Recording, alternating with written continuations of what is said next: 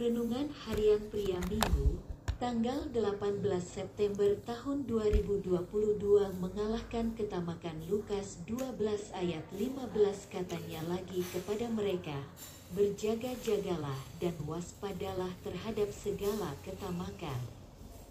Sebab walaupun seorang berlimpah-limpah hartanya, hidupnya tidaklah tergantung daripada kekayaannya itu.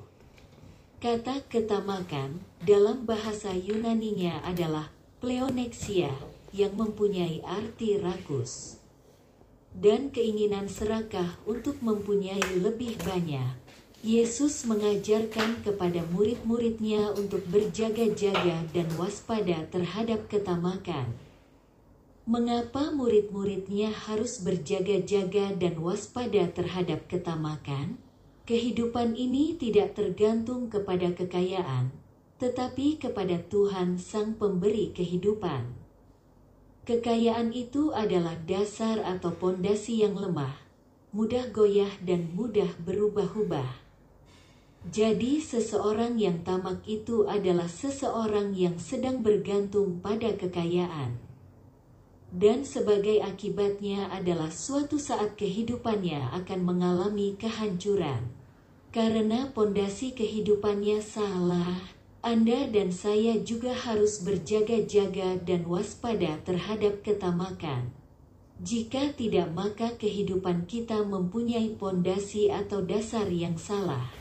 Bagaimana kita dapat mengalahkan sikap ketamakan ini dari kehidupan kita?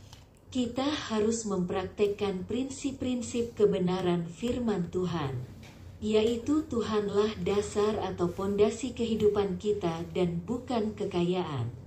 Dan semakin kita mengalami berkat-berkat Tuhan dalam keuangan, maka yang harus kita lakukan adalah kita semakin juga memberkati pekerjaan Tuhan.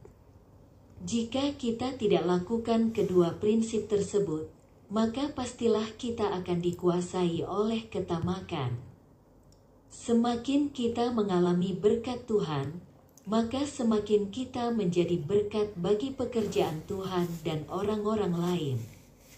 Refleksi diri, apa yang firman Tuhan katakan kepada Anda? Bagaimana kehidupan Anda dengan firman Tuhan itu? Catat komitmen Anda terhadap firman Tuhan itu.